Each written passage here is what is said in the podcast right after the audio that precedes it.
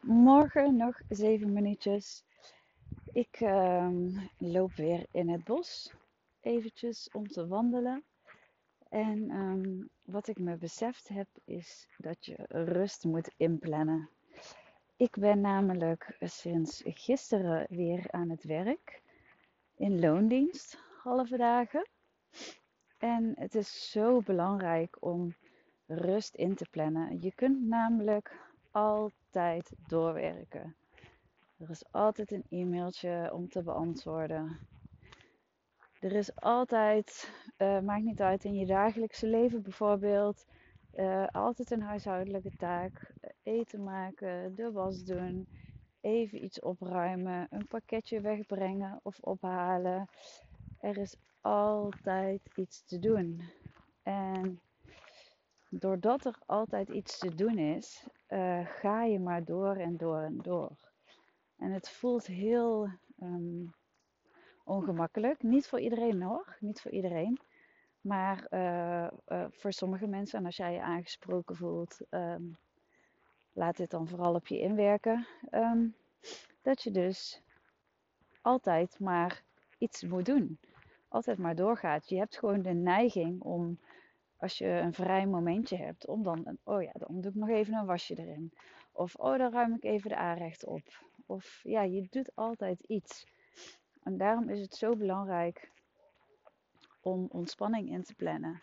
Of eventjes een wandeling. En ik kom vanuit mijn sabbatical, dus ik zit alweer iets meer in de rustmodus. En ik kan dus ook makkelijker die stap maken. Maar uh, net was ik aan het werk en uh, ik probeer ook uh, om de 25 minuten zet ik mijn uh, horloge en dan gaat mijn wekker af. Om eventjes um, ja, te zorgen dat ik er even op sta. Of dat ik eventjes wat drinken ga pakken. maar in ieder geval dat ik eventjes uit mijn houding ga en ga bewegen. en de laatste timer die heb ik genegeerd. En ik was eigenlijk alweer ja, drie kwartier, een uur was ik alweer uh, aan het werk. En um, ja, dat is gewoon echt. Uh, ja, als ik, als ik niet voor mezelf had besloten om eventjes te gaan wandelen voor de lunch, ja, dan was ik gewoon weer doorgegaan. En voor je het weet is het drie uur.